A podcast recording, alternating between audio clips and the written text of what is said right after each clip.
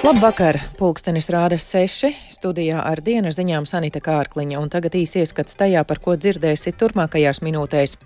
Saimā turpina diskutēt par Latvijas turpmāko dalību Otavas konvencijā. Valsts prezidents aicina uzticēties bruņotajiem spēkiem.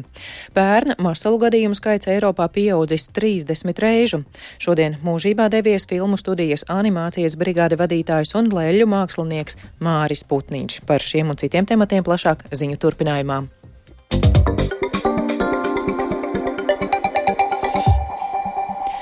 Saimā aizvien turpinās diskusijas par Latvijas turpmāko dalību Ottavas konvencijā, jeb dokumentā, kas paredz kainieku mīnu aizliegumu. Palikt vai tomēr izstāties no Ottavas konvencijas par to šodien diskutēja opozīcijas vadītās Saimas ārlietu komisijas un aizsardzības iekšlietu un korupcijas novēršanas komisijas kopsēdē. Pēc sēdes pieņemts lēmums sākt dialogu ar Lietuvu un Igauniju parlamentārā līmenī, vai Baltijas valstīm būtu jāpaliek Ottavas konvencijā. Plašāk Agnijas Lāsdiņas ierakstā. Aizsardzības ministra Andras Prūda no partijas progresīvie uzdevumā Nacionālajie bruņotie spēki veic izvērtējumu par iespējamo Latvijas izstāšanos no Otavas konvencijas un aicina izstāšanos neatbalstīt. Arī aizsardzības ministrs uzskata, ka šobrīd nav militāra un starptautiska pamatojuma izstāties no Otavas konvencijas, kas aizliedz izmantot nevadāmas kainieku mīnas. Viņš uzsver, ka Latvijai šobrīd jau ir aizsardzības un reģionālie plāni, tostarp tiekot strādāts arī pie militārās pretmobilitātes mērķa līdz ar to to Latvija šobrīd ir gan droša, gan arī aizsargāta. Politiski starptautiski sadaļa ir pār konsultācijām mūsu sabiedrotajiem, gan sabiedrotajiem, kas šeit ir reģionālā mūsu partneri - Igaunija, Lietuva, Somija, Polija. Tā ļoti svarīgi ir tas, kāda sabiedroto nostāja tiem sabiedrotiem, kuriem ir spēki šeit, un plašākais NATO konteksts. Respektīvi, visas Eiropas Savienības NATO valsts ir konvencijas ietvaros. Jā, ASV nav formāli, bet ir de facto. Mēs principā runājam par to, ka Latvija varētu būt vienīgā valsts no mūsu sabiedrotajiem, kas no šīs konvencijas aizstātos. Arī ārlietu ministrijas parlamentārais sekretārs Rēnis Brusbārdis norāda, ka, lai gan Igaunijā un Lietuvā sarunas turpinās, esot skaidrs, ka situācija nemainīsies un no konvencijas šīs valstis neizstāsies. Tāpat nav iespējams uz laiku no konvencijas izstāties. Tāpēc jautājums ir, būt vai nebūt Otovas konvencijā. Izstāšanās gadījumā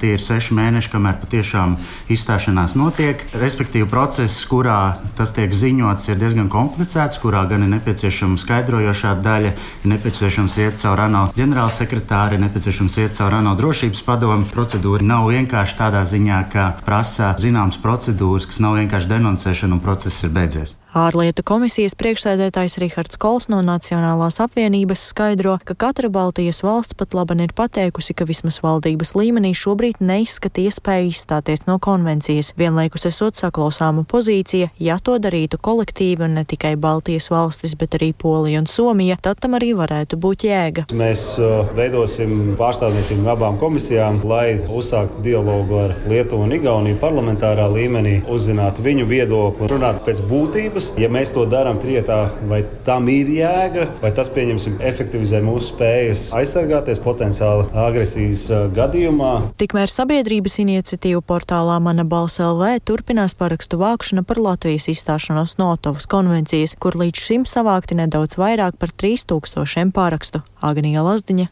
Latvijas radio.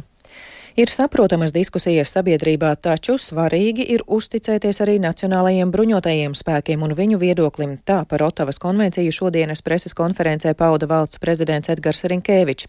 Kā norāda prezidents, diskusija, kā stiprināt valsts robežas aizsardzību, kādi būs nepieciešamie resursi un kādos termiņos to varēs īstenot, ir sākusies. Pašlaik gan ieceres ir tikai plānu līmenī, bet konkrēti lēmumi būs ministru kabineta un aizsardzības ministrijas ziņā. Turpinājumā fragments no šodienas dienas valsts prezidenta preses konferencē teiktā. Mēs visi diskutējam par dažādu veidu scenārijiem, kādu varētu skart mūsu tuvākajā laikā. Es arī domāju, ka mums visiem tomēr ir jāstrādā uz to, lai mēs būtu maksimāli sagatavoti visiem scenārijiem. Mums ir jāņem vērā profesionāļu viedoklis. Es domāju, ka diskusija par to, kāda ir labākie mūsu valsts aizsardzības mehānismi un veidi profesionāļu vidē, pat ja viedokļi atšķirās, ir ļoti cienījami. Bet kas nav cienījami, ka tā vietā, lai runātu par praktiskām lietām, sākās jau nu, tāda savstarpēja apskaukšanās, kaut kāda veida jau pilnīgi nepieņemama histēriska diskusija, kas tikai grauj patiesību sakot, nevis stiprina mūsu valsts aizsardzību. Es pilnībā uzticos bruņoto spēku vadībai, es pilnībā uzticos arī tiem ekspertiem, kuriem ir cits viedoklis. Vēl viens aspekts, kas ir nemazāk būtisks. Nu, paskatīsimies kartē. Somija, Baltijas valsts, Polija robežojas ar Krieviju un Baltkrieviju. Ja mēs gribam efektīvu aizsardzības mehānismu, nevar būt tā, ka vienā valstī būs kaut kas viens, otrā cits. Jebkuram lēmumam par vienotas aizsardzības infrastruktūras izveidi ir jābūt saskaņotam Baltijas valsts, Somijas un arī polijas militāro speciālistu starpā. Un neaizmirsīsim, ka mēs esam daļa no kopīgas NATO aizsardzības plānošanas sistēmas. Arī tas ir jāņem vērā. Tikmēr Ukrainā šodien savā pirmajā vizītē ir ieradies Slovākijas premjers Roberts Fico. Viņa izteikumi par Ukrainu līdz šim bijuši visai kritiski. Tikmēr no Ukrainas pašas puses joprojām izskan kritika par nepietiekamām rietumu militārā aprīkojuma piegādēm, un runa nav tikai par munīciju un pretgaisa aizsardzību, jo aizvien turpinās Kijivas sarunas ar Berlīni par spārnoto raķešu taurus piegādi. Plašāk par šo visu stāsta Rihards Plūme. Fico, kurš iestājas pret militāro palīdzību Kievai un pret sankcijām, kam pakļauta Krievija, nesen paziņojis, ka Ukraina nesot suverēna valsts un atrodoties pilnīgā ASV kontrolē. Tāpat viņš atkārtot iebildis pret Ukrainas uzņemšanu NATO.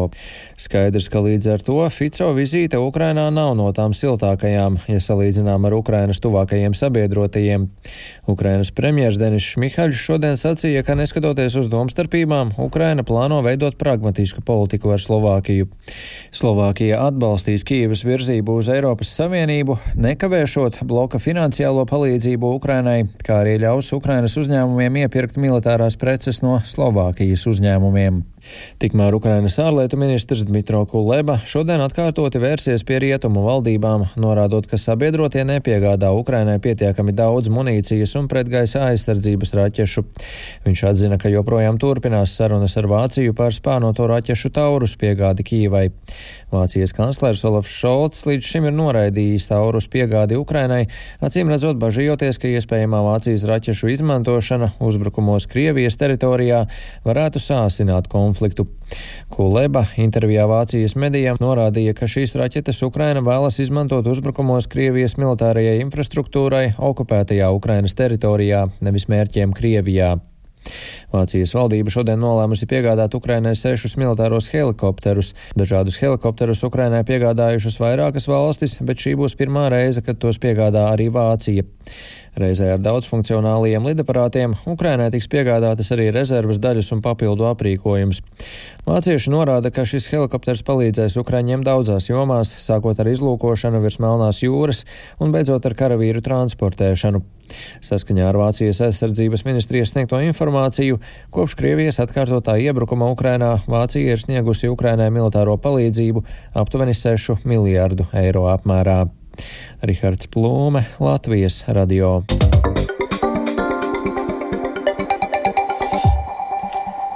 No pagājušā gada janvāra līdz oktobrim marsalu gadījumu skaits Eiropā pieauga virs 30 tūkstošiem, un tas ir 30 reižu vairāk nekā 2022. gadā. Par to paziņojusi Pasaules veselības organizācija, aicinot steidzami veicināt vakcināciju. Par masalu gadījumiem ziņojušas 40 no 53 valstīm Eiropas reģionā. Vissliktākā situācija konstatēta Krievijā un Kazahstānā, taču arī Rietuma Eiropā saslimstība ar masalām pieaugusi. Latvijā pērn gan bijis tikai viens gadījums, un situācija situācija ir stabila, vienlaikus speciālisti norāda uz riskiem samazinoties vakcinācijas aptverei. Plašāk Sintīs ambotis ierakstām. Pasaules veselības organizācija saslimstības ar masalām pieaugumu skaidro ar to, ka Covid-19 pandēmijas laikā vakcināciju skaits pret šo slimību samazinājās, tādēļ tagad nepieciešami steidzami pasākumi, lai novērstu turpmāku izplatību. Dati liecina, ka aptuveni 1,8 miljonu zīdaiņu Eiropas reģionā laikā no 2020. līdz 2022. gadam netika vakcinēti pret masalām. Slimību profilakses un kontrolas centra epidemiologs Jurijs Perevoščikovs norāda, ka pērn Latvijā reģistrēts tikai viens saslimstības saslimšanas gadījums ar masalām. Šobrīd epidemiologs situāciju vērtē kā stabilu, taču arī Latvijā var parādīties saslimšanas gadījumi. Latvija vakcinācija uzsakta 60. gadu beigas, un tad uh, relatīvi varam pateikt, ka personas vecuma 45, 50 gadi un vairāk nu, lielākoties pasargāti, tāpēc, ka bērnība nebija vakcinēta, bet pārslimoja. Ja? Un uh, pārslimo tikai vienu reizi, un līdz ar to imunitāte saglabājas visu dzīvi. Bet principā šī slimība ir, mēs varam mierīgi dzīvot bez šīs slimības pavisam, ja nebūtu tie nevakcinētie cilvēki, kuri bērni, kuri paliek katru gadu. Mūsu vakcinācijas aptver pēdējie dati mums ir par 22. gadu. Tie liecina, ka pirmo poti ir saņēmuši 96,5% bērnu, nu, pirmo poti bērniem būtu jāsaņem no 12 mēnešiem līdz 15 mēnešu vecumam. Un tad uh, otra poti ir septiņgadīgiem bērniem. Tur ir šis radītājs tieši ir sliktāk.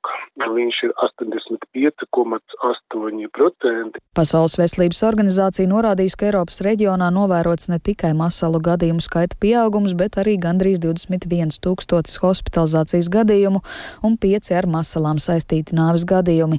Bērnu klīniskās universitātes slimnīcas bērnu infektoloģija un pediatra Dācis Zavacka apstiprina, ka pērn Latvijā bijis tikai viens saslimšanas gadījums, bet aicina vecākus sekot līdzi vakcinācijas kalendāram. Ja mēs paskatāmies, tad kopējo Eiropas vakcinācijas aptvērumu, kas bija pirms pandēmijas 96%, kopumā, lai masalas necirkulētu, ir nepieciešama 95%, tad uh, trīs gadu laikā Eiropā tā bija nokritusies līdz 93%, uh, procentiem, kas it kā liekas tikai 3%, bet uh, masala izplatība gadījumā tas ir ļoti būtiski. Masalas var radīt arī komplikācijas kā vidusauss sirkaisums vai pneimonija.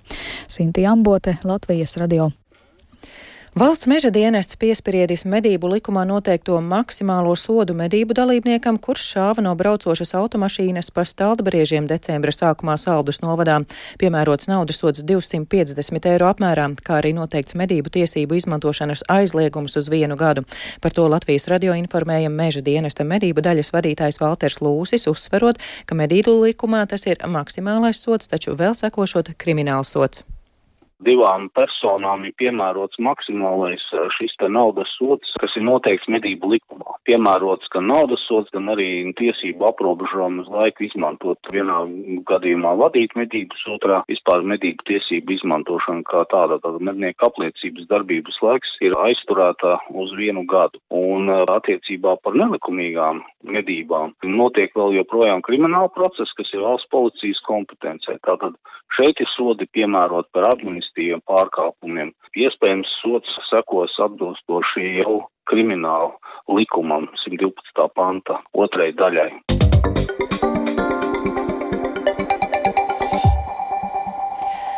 Sēru vēsts. Šorīt 73 gadu vecumā pēc smagas slimības mūžībā devies filmu studijas animācijas brigāde vadītājs leļu mākslinieks, scenārists, producents un bērnu grāmatu autors Māris Putniņš. Latvijas kinematogrāfistu savienības vadītāja Marta Bite raksturo Māri Putniņu kā vienu no Latvijas kino daudzpusīgākajiem talantiem.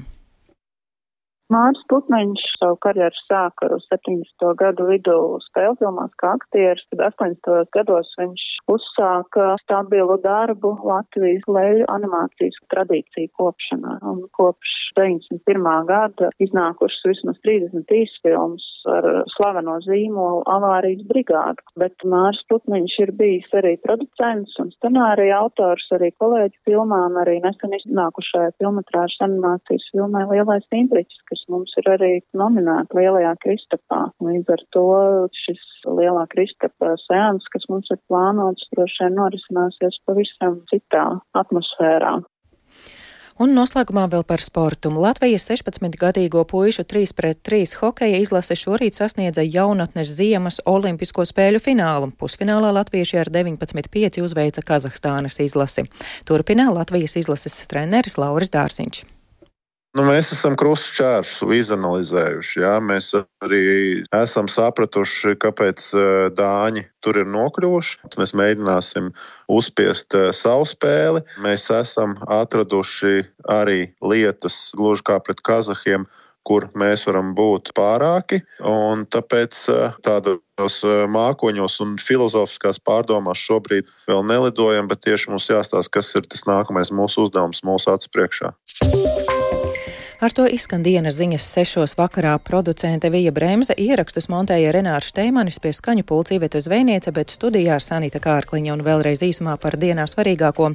Saimā turpina diskutēt par Latvijas turpmāko dalību Otavas konvencijā.